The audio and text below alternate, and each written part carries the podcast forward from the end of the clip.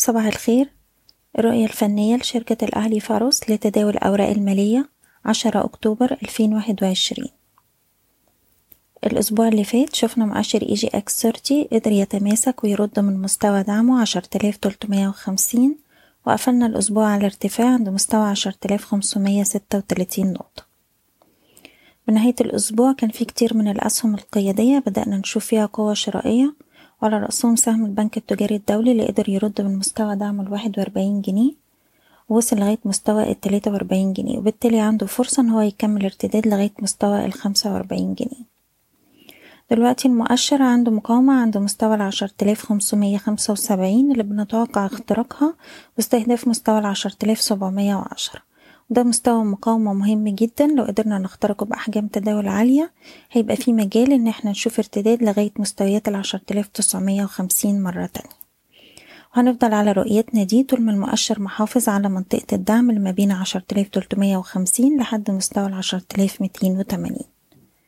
هنتكلم على مجموعة أسهم النهاردة وهي مصر الجديدة للإسكان عامر جروب أوراسكوم فنادق القلعة وأجواء.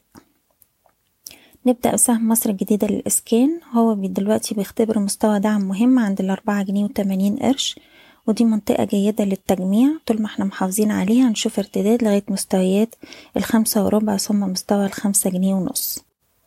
سهم عامر جروب بقاله أسبوعين في حركة عرضية ما بين ستة وسبعين قرش وواحد وتمانين قرش.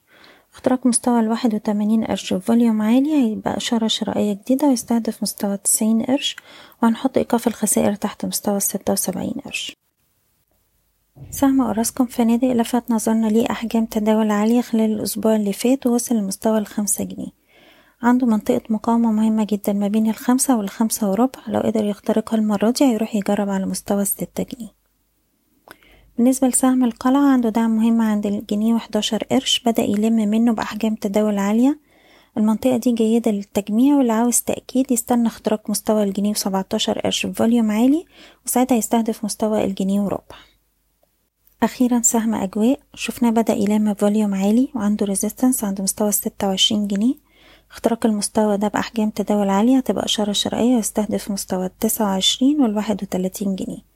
الكلام ده طول ما هو محافظ على low الأسبوع اللي فات عند مستوى التلاتة وعشرين جنيه. ودي الأسهم اللي كانت معانا بنتمنى التوفيق للجميع إن شاء الله. إيضاح الشركة غير مسؤولة عن أي قرارات استثمارية يتم اتخاذها بناء على هذا التسجيل. شكرا.